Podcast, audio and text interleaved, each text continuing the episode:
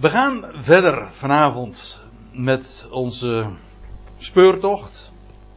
Onze wandeltocht in zekere zin. Hè, want het is in, de, in Paulus' voetsporen met onze wandeltocht stap voor stap door het boek Handelingen. Vers voor vers, zinsdeel voor zinsdeel. Maar ik moet u waarschuwen. Vanavond gaan we het eh, wat anders aanpakken dan gebruikelijk. Ja, we maken vanavond eens een excursie. En ik zal dat straks ook eventjes toelichten. Trouwens, ik heb de vorige keer al even aangekondigd dat we het inderdaad nog zouden hebben over, over dat woord ecclesia. En die belofte wil ik inderdaad ook inlossen. Maar misschien is het goed om eventjes nog terug te halen waar we het de vorige keer over gehad hebben. En dat is dan meteen ook de springplank naar eh, de excursie, zeg maar. We hebben gezien, want we hadden het over handelingen 19. We hebben de bespreking daar in principe dus ook van afgerond. Dat Paulus in Efeze drie jaar lang actief is geweest. Hij is daar een hele tijd dus geweest.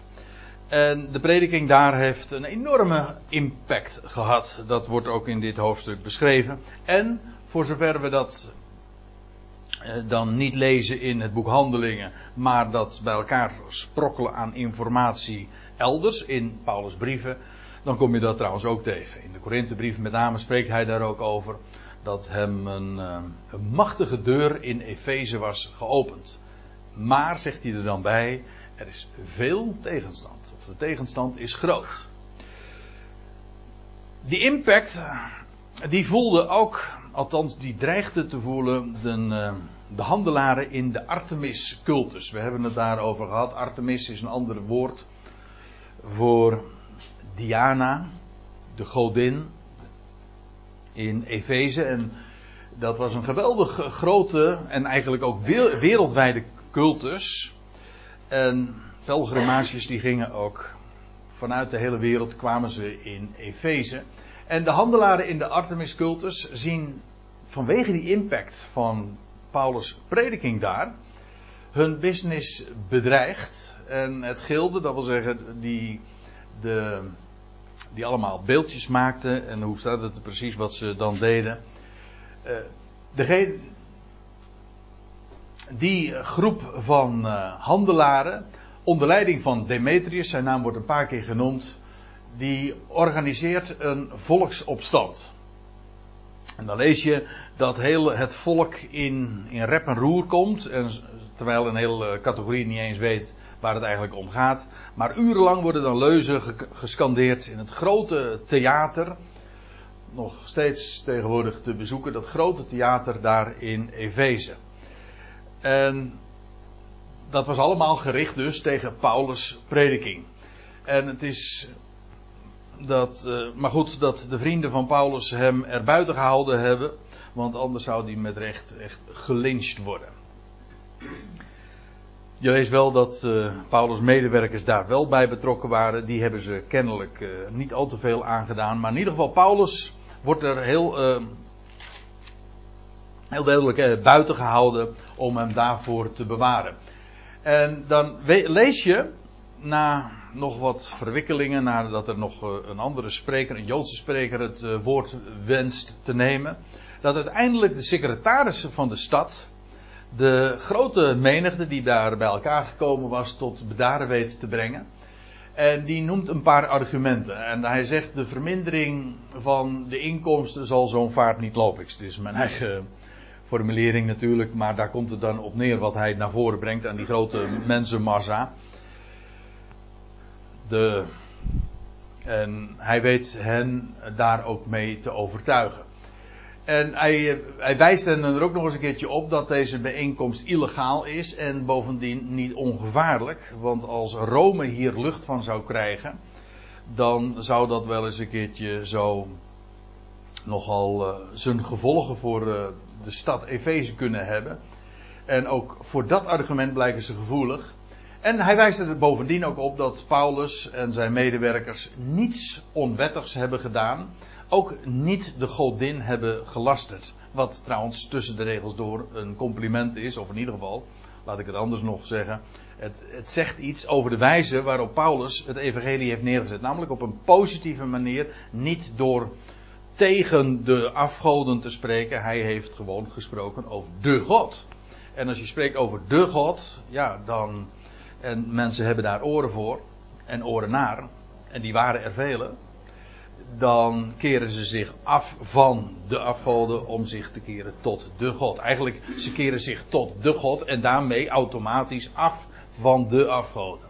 En zo heeft Paulus daar geopereerd. En dat zegt dus heel veel over de wijze waarop hij sprak. En het is met deze argumenten dat deze secretaris van de stad de, de menigte weet, tot rust weet te brengen. En dan lees je aan het einde van het hoofdstuk, van Handelingen 19 dus, dat met deze woorden ontbindt hij de onwettige, want dat was het, eh, de onwettige volksvergadering. En dan wordt er uh, in het Grieks gesproken over de Ecclesia. Dat woord hou ik erin, ik hou het gewoon maar op dat Griekse woord, omdat dat toch een bepaalde betekenis heeft, die uh, de, gewoon, de meest gebruikelijke vertalingen niet echt weergeven. Nou, daar wil ik eigenlijk een hele avond eens een keertje aan, aan wijden. Aan dat woord volksvergadering. Daar komt het eigenlijk op neer. Ik ga het vanavond hebben dus over de Ecclesia als volksvergadering. En laten we het eens een keertje stap voor stap zo dit onderwerp binnentreden. En de eerste vraag daarbij stellen: wat is een Ecclesia? En dat moet ik dan eventjes scherp stellen. Namelijk, door het onderwerp ook daarin en het antwoord af te bakenen. Ik stel dus niet de vraag uh, wie behoren tot de Ecclesia? Ook niet wanneer is de Ecclesia begonnen? Of wat onderscheidt diverse Ecclesia's, die de schrift nog eenmaal ook noemt, van elkaar? Hè? Israël, het lichaam van Christus. Ook daar ga ik het niet over hebben. Ik ga het ook niet hebben over de positie van de Ecclesia. Nou ja, daar gaan we het uiteindelijk toch wel een beetje over hebben. Dit, is, dit zeg ik onder enig voorbehoud. Maar en ook niet waar ligt haar toekomst. Dat wil zeggen, dat is niet in de eerste plaats de vraag nu. De vraag is niet uh, van wie, wanneer en wat en zo. Maar puur, wat is de betekenis van het woord Ecclesia? Nou. Um, als je het hebt over de betekenis van het woord, dat kun je op twee manieren dan aanpakken. En beide zullen we ook doen. Dat kun je etymologisch doen. Dat is een heel duur woord. Maar dat betekent gewoon, uh, waar is het woord van afgeleid? Dat vind ik een hele bijzondere tak van wetenschap. En er gaat, nou, ik denk dat er maar weinig dagen voorbij gaan. Ik heb niet eens een boek in de kast staan, maar tegenwoordig heb je mooie websites, het etymologisch woordenboek van de Nederlandse taal. En die kun je gewoon online raadplegen. En ik, nou, er gaan weinig dagen voorbij dat ik niet één of meer keren eens kijk van wat, waar is dat woord eigenlijk van afgeleid? En dat is echt beren interessant. Waarmee ik overigens niet zeg dat als je eenmaal weet waar het woord van afgeleid is, dat je dus de betekenis van het woord kent. Dat is absoluut niet het geval. Soms, het werpt heel dikwijls heel veel licht op een woord, maar het verklaart niet de betekenis. Dan moeten we, bij, dan moeten we het nog op een andere manier aanpakken. Het is de afleiding van een woord Kijk, ik vind het altijd een fraai voorbeeld. Ja, ook wel een leuk voorbeeld. Uh, als je de etymologie van het woordje heiden. Het Nederlandse woord heiden is een bewoner van de heide. uh, maar dat is wel leuk hè, om die woordoorsprong dan te zien. En dat uh, buiten de, eigenlijk de gedachte is dan van, vooral buiten de be, bebouwde wereld, of de bewoonde wereld, zo moet ik het zeggen niet de bewoonde kom. Uh, maar de bebouwde kom was het, zo was die, hè? Ja, nou zit ik de boel om elkaar te halen. Maar uh, ik bedoel maar te zeggen van, als je wil weten wat de betekenis van een woord is, dan is het niet genoeg om alleen maar te zeggen van ja, het is afgeleid van. Dat kan licht werpen, en dat doet het ook dikwijls. Maar het is één tak van benaderen. Uh, de echte, de beste manier is een concordante benadering. En dat wil zeggen, je pakt een concordantie, en dan heb ik het over dus een eigenlijk gewoon een trefwoordenregister. En waar wordt dat woord gebruikt? Hè? Je pakt een concordantie. Ja, vroeger had je allemaal dat, eh, dat in boeken en tegenwoordig heb je dat allemaal niet meer nodig. Je drukt op de knop en je hebt prachtige bijbelprogramma's.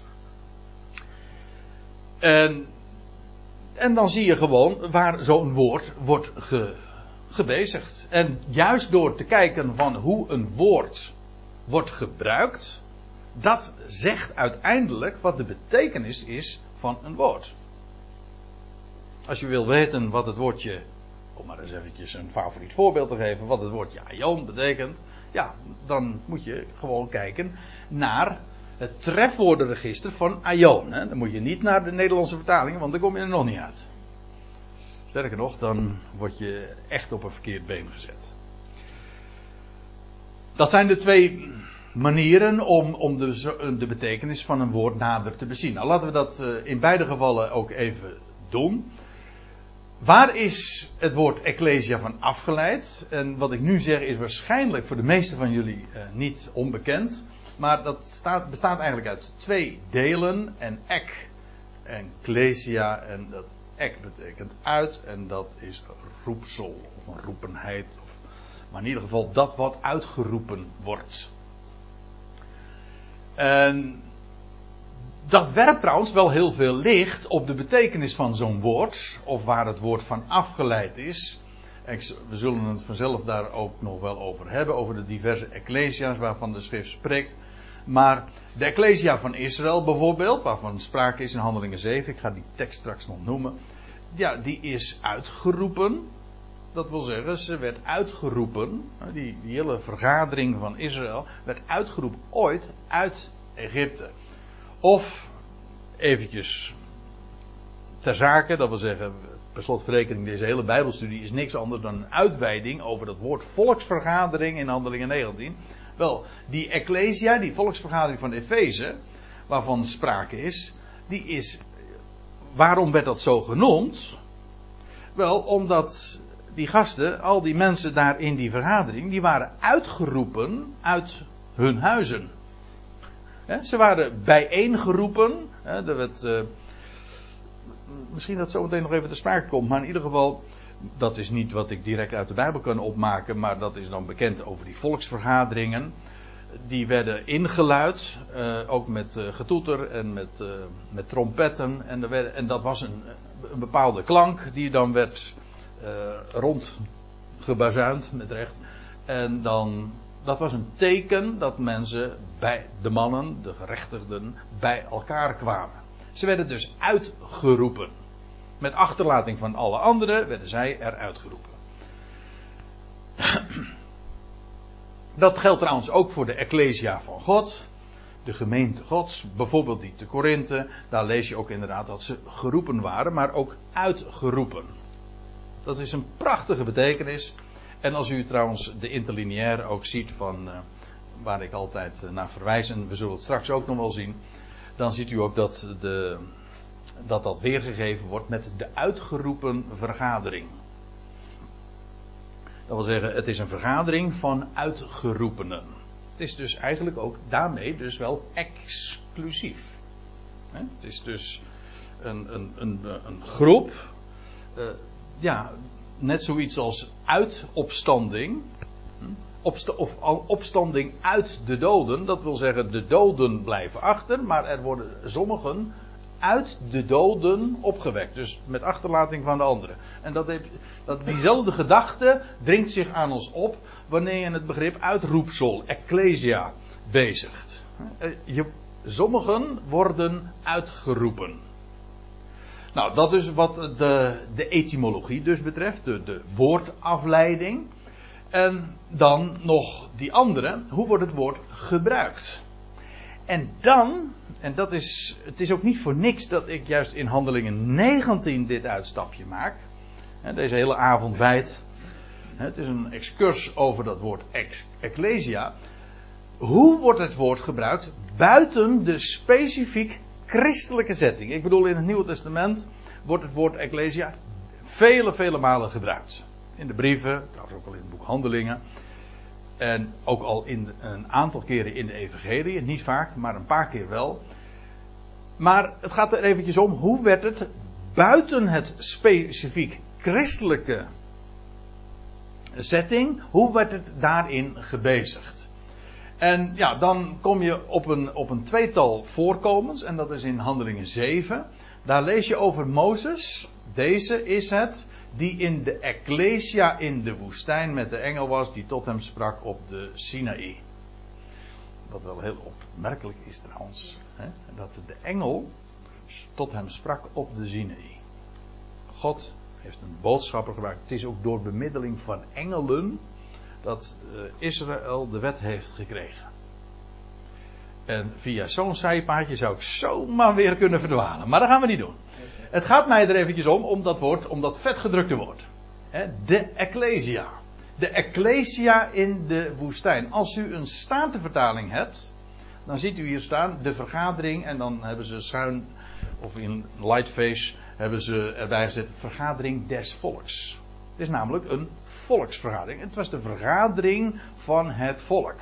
In het Hebreeuws, want u moet zich realiseren, als Stefanus deze woorden uitspreekt, dan refereert hij ook aan de toenmalige Griekse vertaling, de Septuagint, van de Hebreeuwse Bijbel. En die spreekt uh, heel dikwijls ook over de Ecclesia. In het Oude Testament, in de Griekse vertaling van het Oude Testament, werd ook al heel vaak de, de term Ecclesia gebezigd. En dan was het de vertaling van een Hebreeuws woord kahal. En kahal, dat heeft dus, dat dat is dus ongeveer hetzelfde als, als ecclesia. En dat is in de vergadering namelijk van het volk. Vandaar ook dat de Statenvertaling hier weergeeft. Het vergadering uh, des volks of van het volk. Hebreeuws. Ja. Haar haar? Grote vergadering. Ja, maar dan was het nog weer een ander woord. Ja, want in, in, het, het, grappige is. Nog steeds, hè, nog steeds weet ik dat de gemeente van. Uh, van Israël. Van, van de Joden die bij elkaar komen. De Joden die in de synagoge bij elkaar, maar ze God knessen om te zeggen. De, ja, en, uh, maar het grappige is dat in modern Hebreeuws is het, uh, het woord voor kerk kne, knessia. Ja. Herinner ik mij nog van mijn Hebreeuwse les vele jaren geleden. Ja, maar goed, de vergadering van het volk. De MBG vertaalt hier trouwens uh, de vergadering. En precies andersom gebeurt het in handelingen 19. Daar ga ik nu naartoe. Dit is, uh, ik zei al, dit, handelingen 19 is eigenlijk de uitvalsbasis. Want in handelingen 19, daar wordt het woord ecclesia gebruikt. Dat helemaal buiten de, het christelijk gebruik omgaat. Het gaat hier over Efeze, een, een, een, grote vergadering die weliswaar onwettig was, maar dat wordt dan genoemd een ecclesia. En dan lees je, nou laten we de drie voorkomers meteen nog maar eventjes lezen. We hebben de vorige keer, daar zijn we natuurlijk helemaal langs gegaan, maar dan lees je in vers 32. Nu riep de een dit, de ander dat, want de ecclesia was verward en de meesten wisten niet eens waartoe ze samengekomen waren. Nou, hier wordt in de. Hier wordt trouwens, ik zei al, dat is precies omgekeerd. Hier wordt in de Statenvertaling het woord weer, uh, vergadering weergegeven. In de NBG, NBE uh, 51, in de vertaling die ik hier voor mij heb. Daar wordt hier uh, consequent trouwens uh, gesproken over de volksvergadering. En in handelingen 19 vers 39, een paar versen verder dus. En indien gij nog iets meer te verlangen hebt, zal dit, zegt die secretaris dus van de stad, zal dit in de wettige ecclesia worden beslist. De wettige volksvergadering. En dan tenslotte in het laatste vers van Handelingen 19. En met deze woorden ontbond hij de ecclesia. Dat is het woord. Ecclesia. Dus hier wordt een woord gebezigd dat zo dikwijls in het Nieuwe Testament gebezen wordt, uh, gebruikt wordt, maar in een heel andere setting. Gewoon in het gangbare Grieks wordt hier het woordje uh, ecclesia gebruikt. En dat zegt nou precies wat het woord ecclesia van origine is. En de MBG 51 geeft het dan ook heel treffend weer met een volksvergadering. Dit is trouwens uh, nog wel een aardige manier om erbij te komen. En dat is gewoon het woordenboek in dit geval te raadplegen. Ik doe het expres als laatste. Maar het woordenboek, in dit geval heb ik uh, ja, ook weer zo'n internetwoordenboek uh, gebruikt. U kent het, Wikipedia, of geen woordenboek, het is een encyclopedie. Meest uitgebreide encyclopedie die je maar kunt bedenken. Ik heb nog nooit zo'n uitgebreide encyclopedie gezien als uh, Wikipedia. En er komen steeds weer nieuwe hoofdstukken. Je, hebt geen, je krijgt niet jaarlijks of per zoveel tijd een, zo'n appendix dan weer toegestuurd. Vroeger hadden wij van die encyclopedie, had mijn vader, en dan was die compleet. En dan vervolgens, na een paar jaren, kwam er weer een appendix, een, een uh, hoe noemen ze dat, een aanhangsel bij. Want ja, vanwege de nieuwe informatie. En als je dan een heleboel jaren zo van die appendix hebt, dan weet je op een gegeven ogenblik niet meer waar je eigenlijk een woord moet zoeken. Dat probleem kent Wikipedia niet. Dus dat zijn de voordelen van internet. Afijn, als je dan uh, op Wikipedia bij het woordje Ecclesia kijkt, dan staat er de Ecclesia. Of Ecclesia, dus een kwestie van spelling. En ze zeggen er dan nog bij, dat komt van het werkwoord uh, oproepen. Dan kunnen wij corrigeren. Nee, het is niet oproepen, het is uitroepen. Ek betekent uit.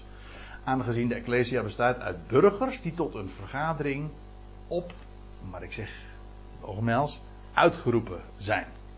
De Ecclesia uh, was de volksvergadering van het oude Athene. Dat is het meest oorspronkelijke. Het was de volksvergadering van het oude Athene. En dan uh, ga ik nog wat uh, overslaan. En dan staat er toen in de zesde eeuw voor Christus. Dus 600 jaar voordat Handelingen 19 dus werd opgetekend en plaatsvond. Dus toen in de zesde eeuw voor Christus de democratie in Athene ontstond. Je ziet het, de democratie is uh, bepaald niet jong. De, sterker nog, de democratie is al erg oud. En waarschijnlijk, en ik hoorde zojuist even gesprekken, uh, zelfs al verouderd. uh, en sommigen zeggen op sterven na dood. Maar goed, dat is weer een ander verhaal. democratie is trouwens ook een Grieks woord. Toen in de 6e eeuw voor Christus de democratie in Athene ontstond, werd de Ecclesia echter de vergadering van het hele volk, die nu binnen de polis, de stad, het belangrijkste, wet, uh, het belangrijkste wetgevende orgaan was.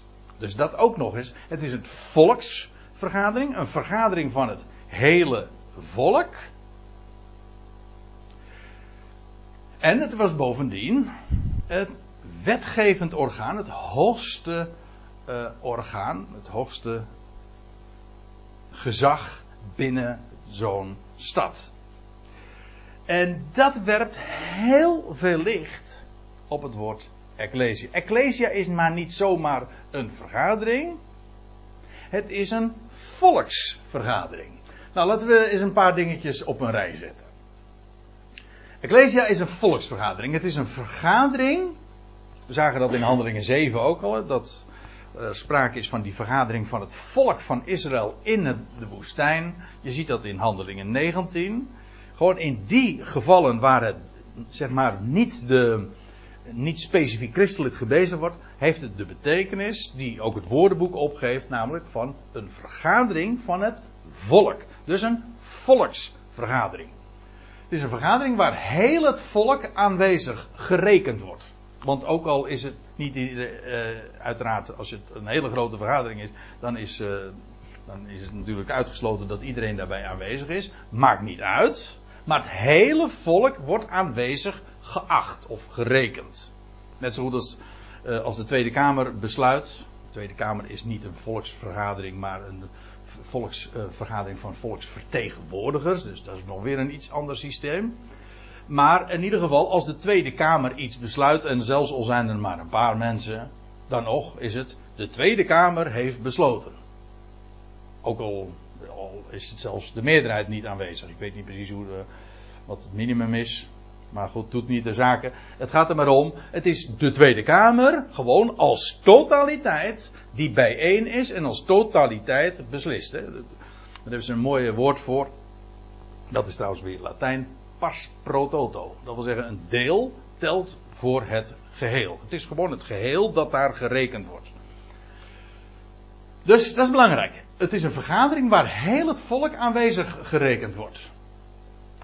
Door een vergadering. En nu komen we wel bij de andere gebruiken, zoals we die standaard in de Bijbel of het Nieuw Testament specifiek tegenkomen. Door een vergadering. Namelijk een vergadering van gelovigen. Ja, als ik het zo zeg, dan. Uh, ja, dat roept dan ook weer associaties op. Dat is lastig, hè? Om, uh, taal kan een heel lastig ding zijn. Want bij vergadering van gelovigen, dan denken een aantal van ons, in ieder geval, hè, weer aan een bepaalde groepering. Hè, van, de buitenwacht zegt dan van darbisten.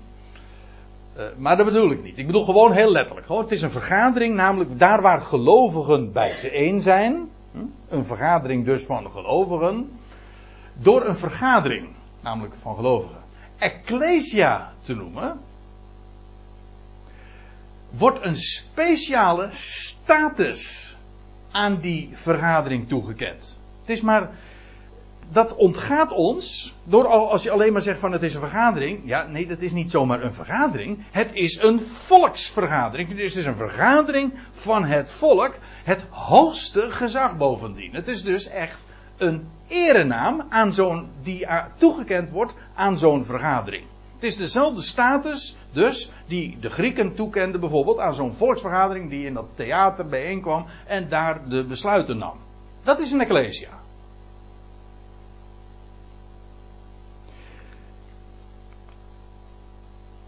En dan moet ik er nog iets bij. En, want als je eenmaal dat doorhebt, dat het een vergadering van het volk is, van het hele volk, dan ga je ook nog een ander fenomeen begrijpen. Namelijk dat de Bijbel bepaalde begrippen niet kent die bij ons in het christelijk spaalgebruik zijn ingeburgerd. Men, de schrift kent geen plaatselijke gemeente. Ter onderscheiding bijvoorbeeld van de wereldwijde gemeente, hè, Ecclesia. Kent schrift niet. Ik hoor ook wel eens zeggen van ja, we zijn maar een, uh, uh, we zijn maar een stukje van de, uh, de hele Ecclesia. Dat, zijn taal, dat is taalgebruik, een plaatselijke vergadering of een plaatselijke Ecclesia. Zoek het maar eens op. U zult het nergens tegenkomen in de Bijbel. En de reden daarvoor is heel simpel. Een vergadering van een, een vergadering van gelovigen. Daar waar gelovigen bijeen zijn, rond Christus, ik kom daar straks op terug, en luisteren naar zijn woord, daar is heel het volk aanwezig. Dus je bent samen rondom het hoofd. Want dat is hij, is het hoofd van de, van de Ecclesia. Hè? Ik, ook daar kom ik nog op terug. Daar waar geluisterd wordt naar zijn woord, al zijn het er maar twee of drie, ook dat is trouwens een Bijbelse uitdrukking. Al zijn er maar twee of drie, daar is de, dat, dat is een ecclesia. Dat is, daar wordt het hele volk aanwezig geacht. Dus dat is geen plaatselijke, ja, een plaats, een ecclesia is per definitie plaatselijk. Want een vergadering vindt plaats op, op een plaats, ja. Vindt plaats, ja. Zie je? Maar wat, wat vergadert daar? Nou, het hele volk. Het hele volk wordt aangerekend.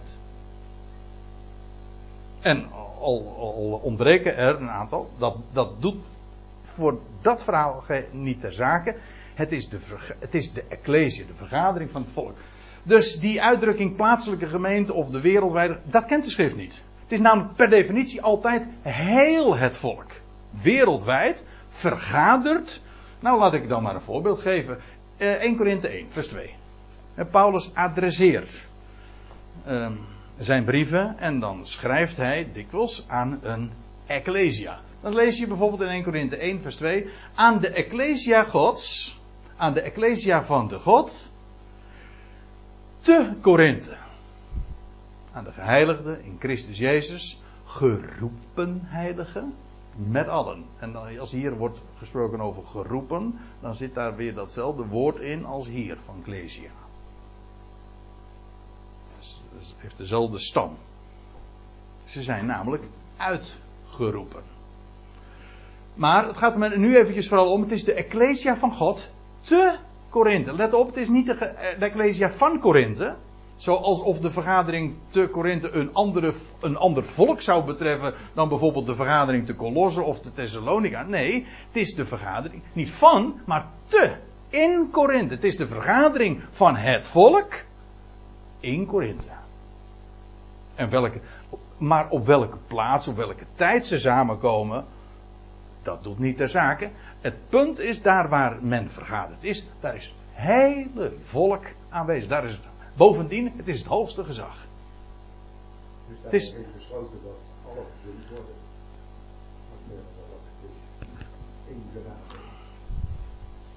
Nou, met de conclusie ben ik het helemaal eens. Uh, maar deze. Of dat hieruit volgt, weet ik niet. Maar uh, laten we de conclusie in ieder geval uh, hartelijk onderstrepen, ja.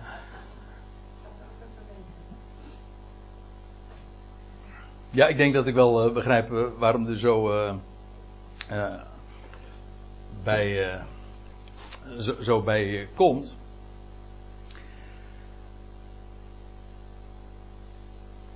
Nee, laten, we, laten, we, laten we het verder even rusten. Het is, het is in ieder geval zo. Uh, ik had er geloof ik trouwens nog een tekst voor. Nee, ik, nou nee, die had ik uh, geschrapt kennelijk. Maar het gaat mij er dus eventjes om dat die vergadering die komt dus bijeen in een plaats. En dat is het, uh, het totaal. Ik moet er trouwens nog iets bij zeggen. Uh, het begrip huisgemeente kent de Bijbel eigenlijk ook niet. De schrift kent geen plaatselijke gemeente. Ter onderscheiding van dus een wereldwijde of de universele gemeente. Het is gewoon, het is onbijbels en ongezond daarmee dus ook spraakgebruik. En het verraadt dus ook eigenlijk onbegrip. Elke ecclesia vertegenwoordigt, dat is eigenlijk mijn, vooral mijn punt nu, representeert heel het volk. Evenmin kent de schrift een speciale status toe aan een huisgemeente. Dat kent. Hoezo? Wat is daar bijzonder aan in die zin? Uh, laten, we, laten we eens kijken waar de, de schrift spreekt over een ecclesia te, ten huize van. In Romeinen 16. Daar lees je: groet insgelijks de ecclesia, de volksvergadering, bij hen aan huis. Dus het is, het is de volksvergadering die huiselijk bijeenkomt. Nou kan dat een flink huis zijn, dat ben ik met u eens. Maar het is toch in principe, zou je zeggen, van dat is niet uh, al te groot. Maakt niet uit, het is toch de Ecclesia. Het is de Ecclesia. Het is heel het volk, heel het. Want ik zal u vertellen, de Ecclesia, waar Paulus over spreekt, dat is het lichaam van Christus. Dus het lichaam van Christus vergaderde bij hen aan huis. Dan moet je, zeggen, moet je niet zeggen van ja, het was een stukje van het lichaam. Nee, het was het lichaam van Christus dat daar vergaderde ten, ten huize van. En ik heb er nog één. Nou, ik heb er nog een paar. 1 Korinthe 16, dan lees je vele groeten in de Heer aan Aquila en, Pris, en Prisca. En van de Ecclesia, de Ecclesia, bij hen aan huis. Is eigenlijk heel mooi om dat ook te zien in het Nieuwe Testament. Hoe die Ecclesias heel dikwijls zelfs, voor zover we weten dat waar ze samenkwamen, dat dat meestal, of eh, heel dikwijls in ieder geval, ook gewoon in een huis was. Zoals wij hier ook bijeen zijn in een huis. Iemand zet zijn huis open en uh, je leest dat. Ja, wacht even, dat is de volgende geloof ik. Ja, van Nimva. Nou ja, sommigen zeggen dat, andere handschriften zeggen, spreken over Nimfas. En dus dan is de vraag of het een man of een vrouw was. Maar vermoedelijk dus een vrouw. Als het Nimfa was. Groet de broeders te Laodicea, ook Nimfa, met de Ecclesia bij haar aan huis. Of in Philemon 1, vers 2, daar lees je over aan. Dus Paulus richt zijn brief daar aan Apphia, de zuster van Archippus onze medestrijder, en aan de Ecclesia te uwen huizen. Dat wil zeggen het huis van Philemon. En, en Philemon woonde trouwens in Colosse. ja, dat weten we. Philemon woonde in Colosse. En de, de Ecclesia dus te Colosse kwam samen in het huis van Philemon, ja. En misschien op, een, een, paar andere plaatsen. Maar en ik hoop dat u dat inmiddels dus uh, begrijpt. Ongeacht waar ze samenkomt, het heet gewoon altijd de Ecclesia. Niet een plaatselijke. Al dat soort, al die terminologie die wij erbij verzinnen, verraadt onbegrip over het echte begrip, uh, aan, uh, onbegrip aangaande het feit dat heel het volk daarbij aanwezig geacht wordt. Een Ecclesia, ik, nu trek ik mijn conclusie nog één keer. Een Ecclesia is altijd een concrete vergadering.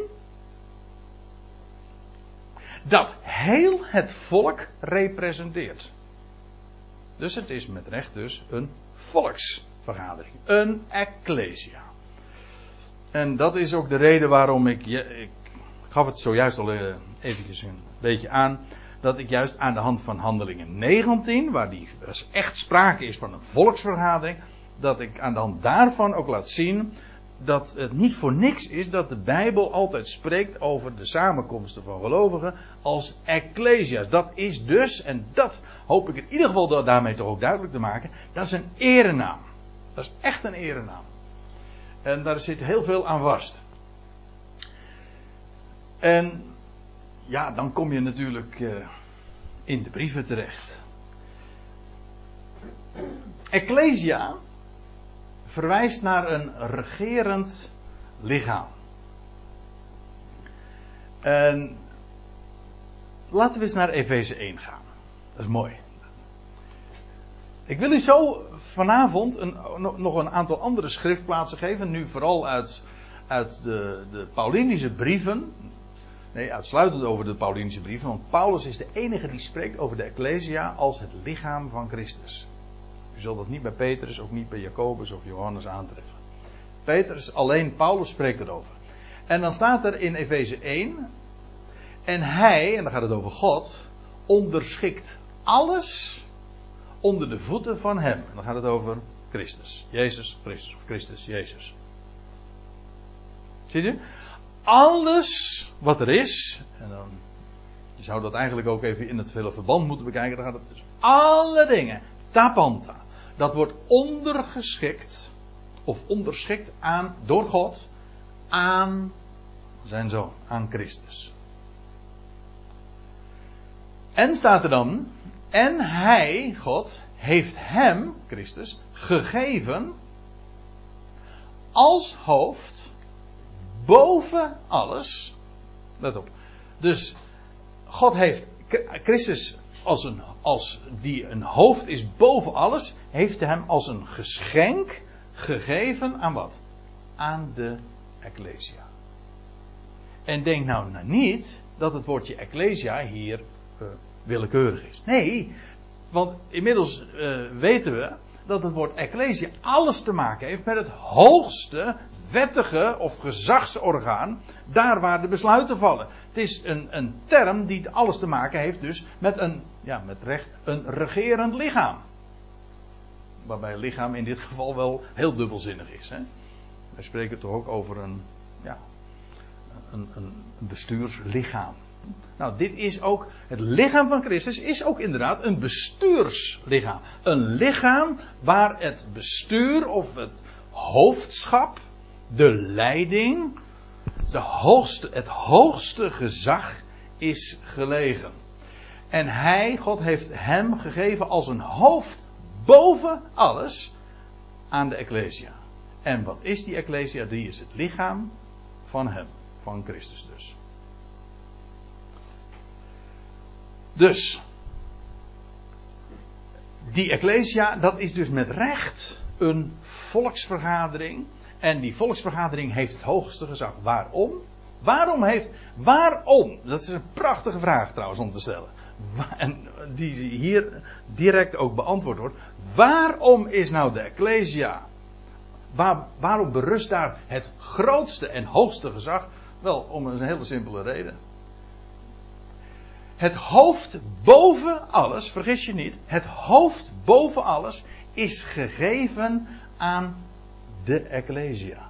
Dus ja, vanwege dat hoofd heeft dat gezelschap om hem, die vergadering om hem, die volksvergadering, het lichaam van Christus, daardoor heeft, hij, eh, heeft dat lichaam dat geweld, die geweldige autoriteit. Vanwege dat hoofd dat aan haar is gegeven. Daarom heet het ook een ecclesia. Het is het lichaam van Christus.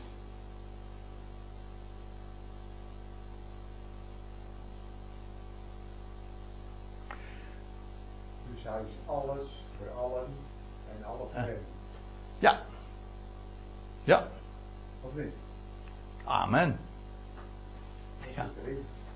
Ja, en je zou het eigenlijk nog eventjes door kunnen lezen, want in vers 23, ik heb het er nu niet bij gedaan, ik heb puntje, puntje, puntje, maar er staat, uh, die het lichaam is van hem, die het al in alles vervult. Zo staat het toch? Ja. Ja, zo staat het. Zo eindigt het. Die het al in allen vervult. Dan zie je inderdaad die, die enorme actieradius. Ja, het is bovendien, hij is een hoofd boven alles. En je leest ook in, dat is, maar dat is eerder in uh, Efeze 1, dat God het voornemen heeft om alles, het zij in de hemel op de aarde, onder één hoofd, dat is de Christus, samen te vatten. En de Christus, dat blijkt dan ook inderdaad te zijn, hoofd en lichaam. Dat was een van de thema's van vorig jaar en afgelopen seizoen ook trouwens. Uh, in, uh, in Maren tijdens dat Goed Bericht Weekend. Hij is het hoofd boven alles. Ja, maar hij is niet alleen. Het is niet alleen Christus Jezus hoofd. Nee, dat hoofd heeft een lichaam. En wel dat lichaam. En wie behoren daartoe? Allen die in geloof met hem verbonden zijn. Die hem kennen als Heer. Als opgewekte, als een Heer en Redder. Dat is het. Maar het is inderdaad met het oog op het al. Zeker weten.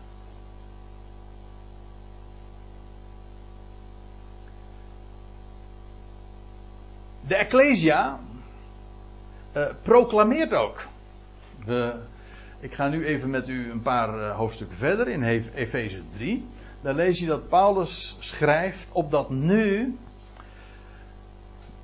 bekendgemaakt zal worden aan de overheden en de autoriteiten te midden van de hemelse. Door de Ecclesia, de veelzijdige, of zo u wilt, de veelkleurige wijsheid van de God.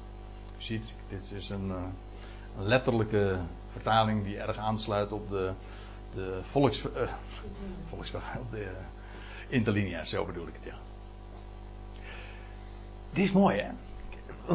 Dat woord Ecclesia, houd even vast. Ecclesia staat voor het lichaam van Christus. Dat moet duidelijk zijn. Als Paulus het over het Ecclesia hebt, dan heeft hij het over het lichaam van Christus. Hij, zoals we uh, ook hier lazen, uh, dan legt hij, dat doet hij vaker, hè, als hij zegt de Ecclesia, wat bedoel ik daarmee? Dan bedoel ik niet de Ecclesia die ooit daar was in, uh, in de woestijn van Israël. Ik bedoel ook niet de Ecclesia van, daar in Efeze. Nee, ik bedoel de Ecclesia, namelijk die het lichaam van Christus is. Dat is het. Want je, zijn, hebt allerlei Ecclesia's. Maar deze Ecclesia, namelijk het lichaam van Christus, dat is dus ook een volksvergadering. Ik word niet moe om het vanavond iedere keer te zeggen.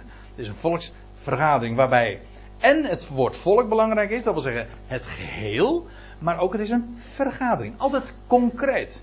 En en beide aspecten zijn heel belangrijk. En ik vind ook, voor mij was het een enorme eye-opener, zal ik u vertellen, toen ik ging ontdekken hoeveel waarde de schrift geeft aan de vergadering van gelovigen. Dat wil zeggen, als gelovigen tezamen zijn. Dat is maar niet zomaar wat.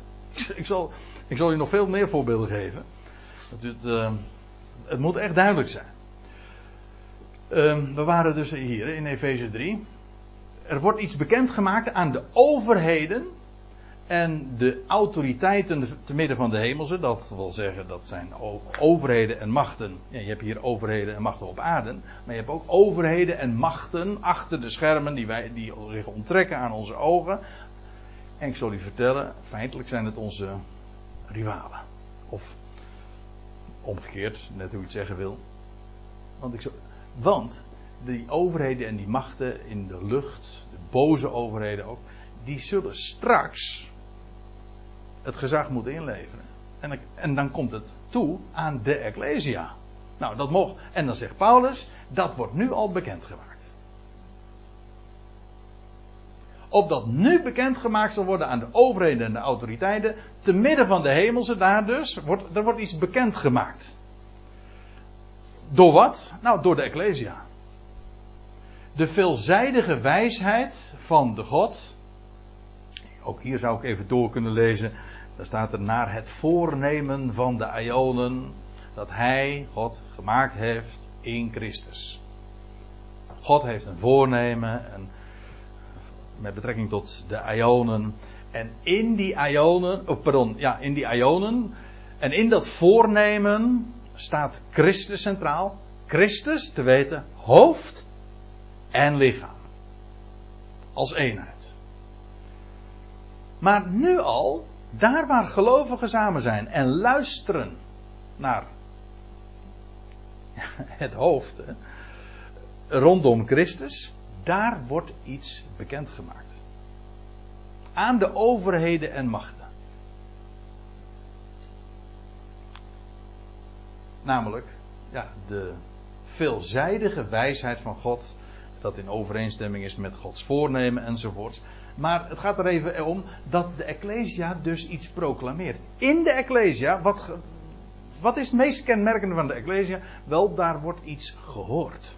En daar wordt iets dus verteld. En dan komen we bij nog iets anders. En dan gaan we nog. Uh, dat is een heel belangrijk punt. Ik had hier misschien mee, mee moeten beginnen. Namelijk dat Christus hoofd is van de Ecclesia. We gaan nu naar Efeze 5. We zullen wat uh, nader stilstaan bij, uh, bij, dat, bij een aantal versen in dat gedeelte. En een heleboel gegevens laat ik even uh, buiten beschouwing. Ik, wat ik bijvoorbeeld nu ook buiten beschouwing laat, dat is de verhouding tussen man en vrouw. Tussen de getrouwde man en, de, en zijn vrouw. Dat is wel zwaar het onderwerp waar Paulus hier ook mee binnenkomt. Maar dat, dat, laat ik, dat parkeer ik even. Het gaat mij vooral om het motief dat Paulus hier, hier opvoert, namelijk van Christus en de Ecclesia. Hij zegt dan in vers 23, want de man is hoofd van de vrouw. Ik zeg het maar niet hardop tegenwoordig, hè, dat kun je alleen maar in de beslotenheid van, uh, van zo'n groep doen, want er zijn uh, fanatici genoeg die daar niks van moeten weten. Weten zij veel hoe het zit. Hè. Maar goed, uh, wij zeggen het gewoon zonder enige gêne. Zo zegt de schrift. De man is hoofd van de vrouw. Ik weet eigenlijk ook niet waarom de man zo'n zware taak krijgt en zo gediscrimineerd wordt. Ja, zo was hij, hè? Ja. ja. Precies, absoluut.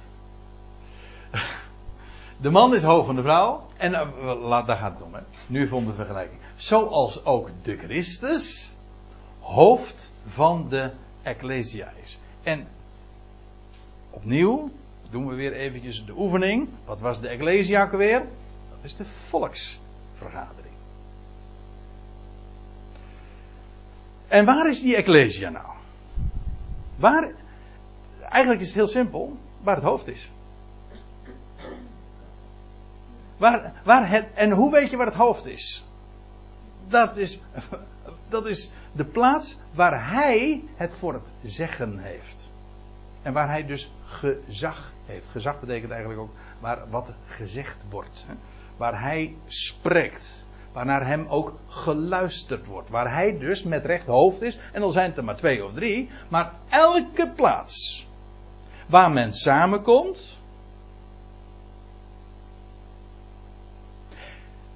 En Christus hoofd is.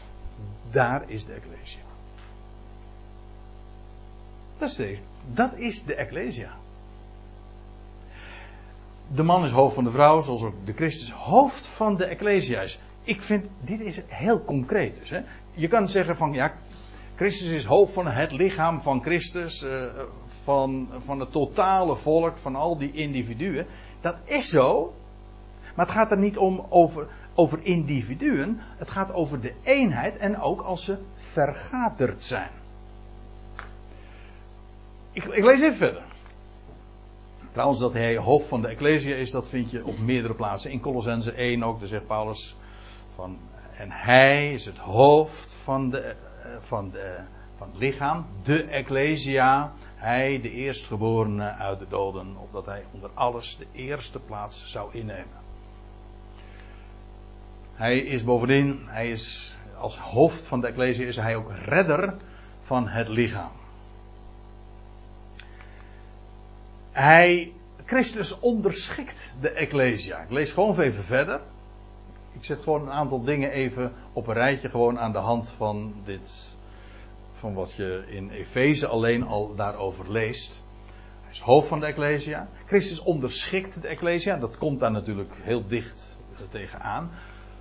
Uh, daar staat in vers 24, ik lees gewoon dus verder. Maar zoals de Ecclesia wordt onderschikt aan de Christus. Dat is logisch.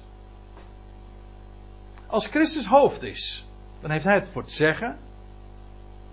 En dan wordt er dus geluisterd naar hem. En dat is precies wat de Ecclesia is.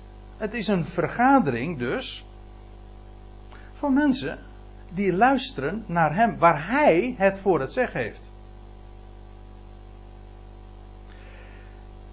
Dat betekent trouwens ook, ik heb uh, zulke uitspraken gelezen. We hebben al eventjes korte metten gemaakt met uh, gangbare ideeën over de plaatselijke gemeente, de totale gemeente, huisgemeente als aparte dingetjes. Dat bestaat allemaal niet. Het is gewoon de Ecclesia. Maar ik heb ook wel gehoord, uh, horen zeggen van ja, de Ecclesia is vandaag een puinhoop. Daar geloof ik niks van. Nee, de Ecclesia, dat is het lichaam van Christus. En waar is het lichaam van Christus? Nou, waar, waar gelovigen vergaderd zijn en waar hij het hoofd is. En daar is de waarheid wat Paulus naar voren brengt in Efeze 5, is nog net zo waar nu als toen. Waar, waar hij het hoofd is en waar gelovigen samen zijn, daar is de Ecclesia. Hoezo een puinhoop? Ik zal u vertellen, Christus heeft de Ecclesia lief. Ja, nou, dat, dat staat niet hier in dit vers, maar dat gaan we zo ook nog even, le even lezen. Uh, Christus onderschikt de Ecclesia, wat logisch is dus. De Ecclesia is precies juist die vergadering die er is, juist omdat ze luistert naar Christus. Waar hij dus hoofd is. En, nou ja.